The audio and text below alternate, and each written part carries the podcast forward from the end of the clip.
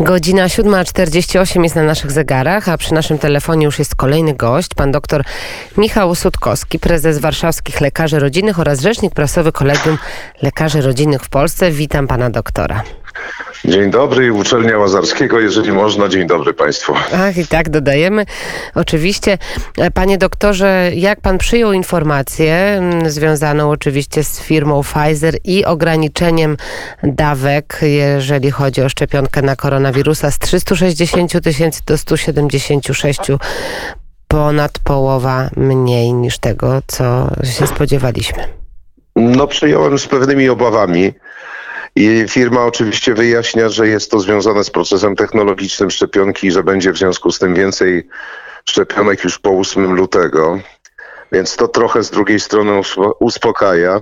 Ale. No, ale, ale, ale no, trzeba planować takie rzeczy, prawda? Trzeba to uzgadniać z państwami, który, do których się wysyła, y, nie tylko z Polską, z Komisją Europejską. Nie mogą być państwa narodowe i i my wszyscy zaskakiwani takimi, takimi informacjami, więc no, z takimi mieszanymi uczuciami to przyjmuję.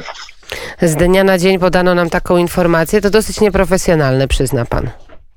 Tak, no nieprofesjonalne może, może z uwagi na, y, na sposób komunikacji też, dlatego, bo z informacji, które ja posiadam, oczywiście one nie muszą być pełne, firma najpierw y, to, to zakomunikowała w mediach, a dopiero później zakomunikowała poszczególnym Komisji Europejskiej czy, czy, czy państwom. Także y, no, rzeczywiście można to by było, a nawet na pewno trzeba by było to na wszelki wypadek, wypadek różnego rodzaju przecież całego, całego ciągu zdarzeń całych, całych wszystkich programów państwach europejskich podawać dużo, dużo wcześniej.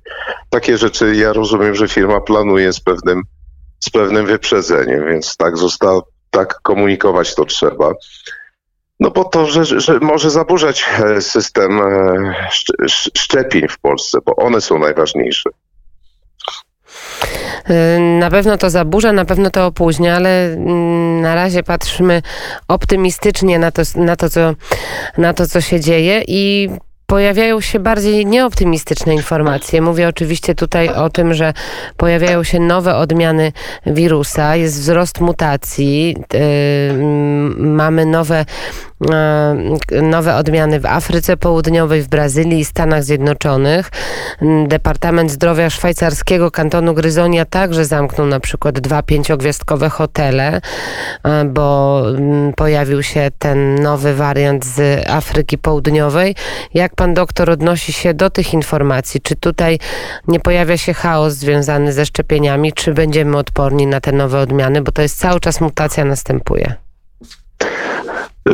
Chaos się nie pojawia ze szczepieniami pod tym względem, przynajmniej na razie, dlatego, bo te wszystkie mutacje są shiftami, czyli takimi drobnymi zmianami, jeśli chodzi o genom wirusa, e, jeśli chodzi o garnitur wirusa, czyli sekwencję genomu. E, shift jest e, małą, skąpą zmianą i on występuje stosunkowo często w wirusach. Mm, natomiast problemem byłyby dryfty. Dryfty to są zmiany bardzo duże, które no, potrafiły stworzyć taką rzecz jak grypa hiszpanka, prawda, z wszelkimi konsekwencjami, które, które są znane Państwu już opinii publicznej dosyć, dosyć dokładnie. Ale oczywiście trzeba się przyglądać, dlatego, bo zaskakujący jest ten koronawirus pod wieloma względami nas zaskakuje. W związku z tym mm, te odmiany mm, należy obserwować, y, monitorować. Y, w Polsce ten monitoring tych odmian jest stosunkowo niewielki. My bierzemy udział raczej w, tutaj w badaniach świat, y, europejskich i światowych. Są kraje, które 5 czy 10% tych wirusów badają pod kątem genomu, więc bardzo, bardzo dokładne to są badania. Czerpiemy z nich, no tylko żeby nasze odmiany były jakieś inne, no przynajmniej jeśli chodzi o Brytyjczyków, tą odmianę, która powstała w hrabstwie Kent i w Londynie. Ona oczywiście bez wątpienia jest w Polsce, to ciężko udowodnić właśnie dlatego, bo tych genomów nie badamy dokładnie. Panie doktorze... Ale już pomijając, tak? pomijając ten fakt, no trzeba, trzeba, trzeba obserwować, natomiast szczepionka póki co działa na to wszystko, więc no, trzeba się też na razie cieszyć, że ona jest stabilna, jeśli chodzi o odpowiedź na tego typu Panie mutacje. doktorze, słyszymy o badaniach nad szczepionką we Włoszech, słyszymy o badaniach we Francji, oczywiście Niemcy. Dlaczego w Polsce nie prowadzimy badań nad własną szczepionką, żeby być samowystarczalni właśnie, żeby nie było takich sytuacji jak z firmą Pfizer? Ja myślę, że to jest bardzo, bardzo droga rzecz, na którą bardzo trudno by było pewnie znaleźć określone środki w Polsce. Droga to znaczy ile? E, Mm, W miliardach y, y, złotych trzeba to liczyć? Tak, oczywiście to trzeba liczyć, y, myślę, że w dziesiątkach miliardów złotych. Więc jest to rzeczywiście bardzo droga historia i nasz potencjał, y, powiedziałbym, intelektualny jest y, wystarczający bez wątpienia. Mamy wspaniałych fachowców, od, od tego doskonałe możliwości. Gorzej jest, gorzej jest już z samą, samym procesem e, technologicznym, no i oczywiście ze znalezieniem środków na to. Wiele państw, mimo że są państwami bogatymi, na to się jednak nie decyduje. e, Z uwagi na, e, z uwagi na właśnie koszty i, to, że jeżeli by szukać tych pieniędzy e, późno, no to pewnie w tym procesie byśmy, byśmy byli wyprzedzeni przez e, giganty farmaceutyczne. Ciekawe, jak sobie z tym poradzili Włosi. Trzeba zapytać kogoś z Włoch. I bardzo ważna teraz sprawa, która pojawiła się właśnie w kontekście tego, co zrobiła firma Pfizer i co widzimy, jeżeli chodzi o dostępność szczepionek. Jedna dawka jest danej firmy, druga dawka innej firmy. Jakie, panie doktorze, jest ryzyko w takiej sytuacji? Bo to sytuacja zupełnie bez precedensu i, i, i sytuacja testowania będzie w takiej sytuacji. Nie, nie, to znaczy tak nie będzie.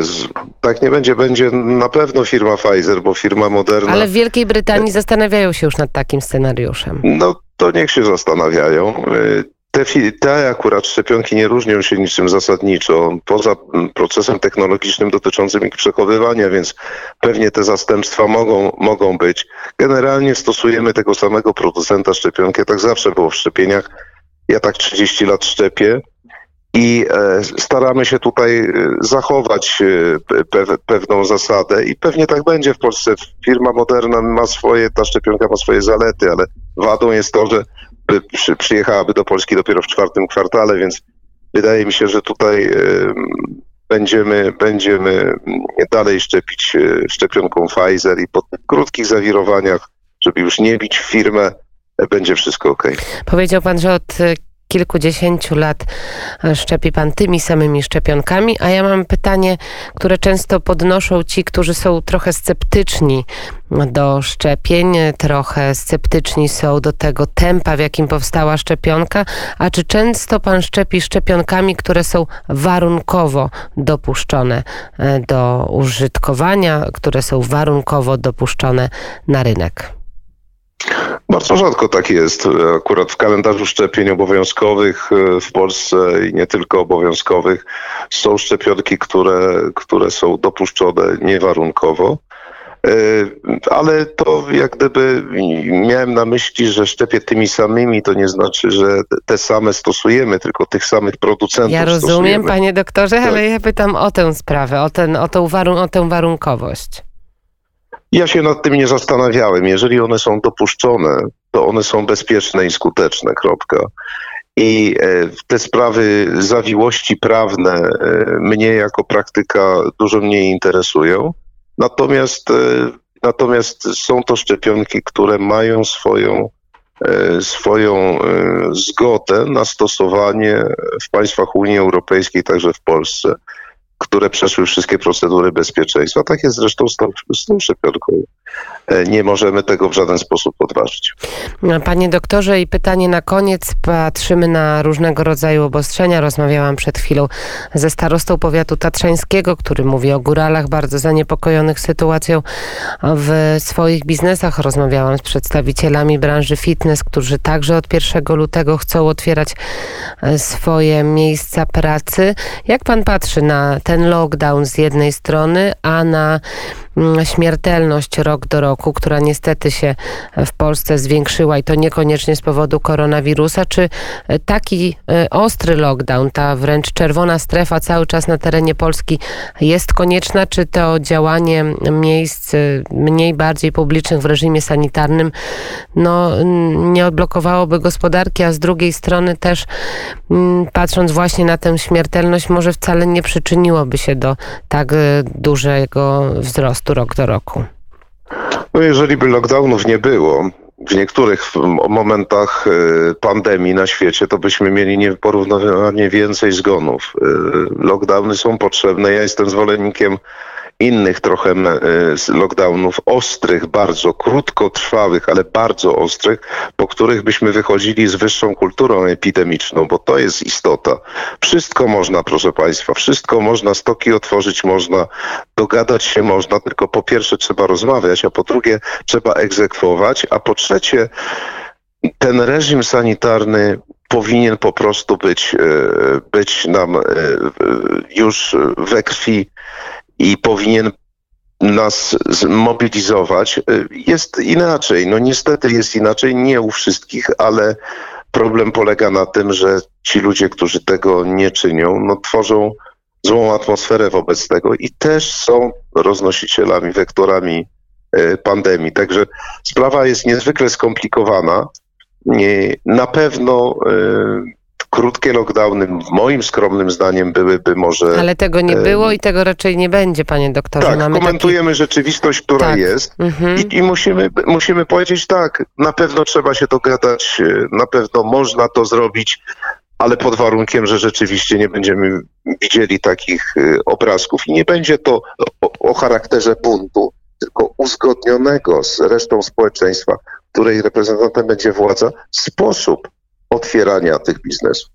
To jest bardzo ważny głos. W podobnym tonie wypowiadał się pan Piotr Bąk, właśnie starosta powiatu tatrzańskiego, że czekają na wspólne ustalenia, na wspólną tak drogę z wyjścia z impasu. Bardzo dziękuję. Pan doktor Michał Sutkowski, prezes Warszawskich Lekarzy Rodzinnych, rzecznik prasowy Kolegium Lekarzy Rodzinnych także w Polsce i uczelnia Łazarskiego. Tak, dokładnie, nie Dziękuję pomyliłam bardzo. się. Wszystkiego dobrego i pięknego Dziękuję dnia. Bardzo. Życzymy panu Wszystkiego doktoru... dobrego dla państwa, dobrego dnia. Dobrego dnia, godzina ósma punktualnie i już za kilka chwil Jaśmina Nowak i najświeższe informacje